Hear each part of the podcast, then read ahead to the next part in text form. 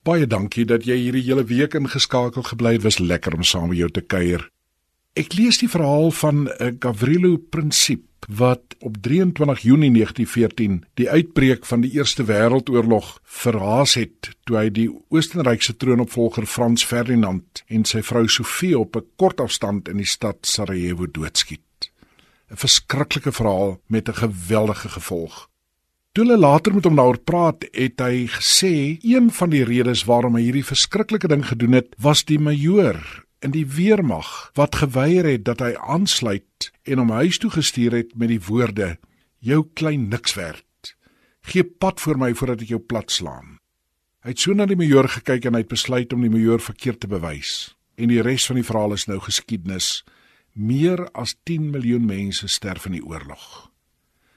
Hoe anders kon die verhaal nie dalk verloop het as die majoor anders gepraat het nie. Jy weet mos nou al, daar's geweldige krag in woorde en gesindhede en dit kan letterlik lewe of dood bring.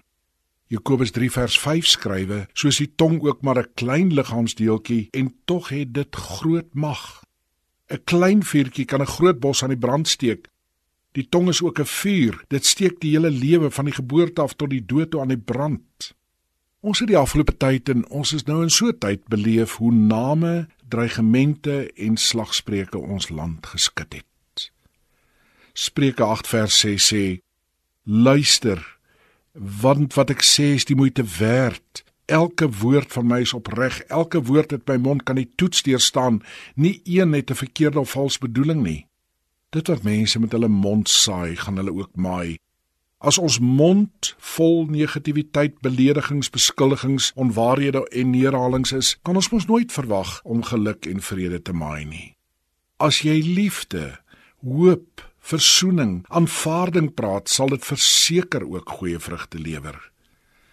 Wees versigtig, weeg jou woorde. Wees versigtig met wat jy sê. Vra jou voortdurend af wat die gevolge gaan wees van dit wat jy sê en dan sommer ook so 'n persoonlike noot vir al die ouers en grootouers wat hier luister.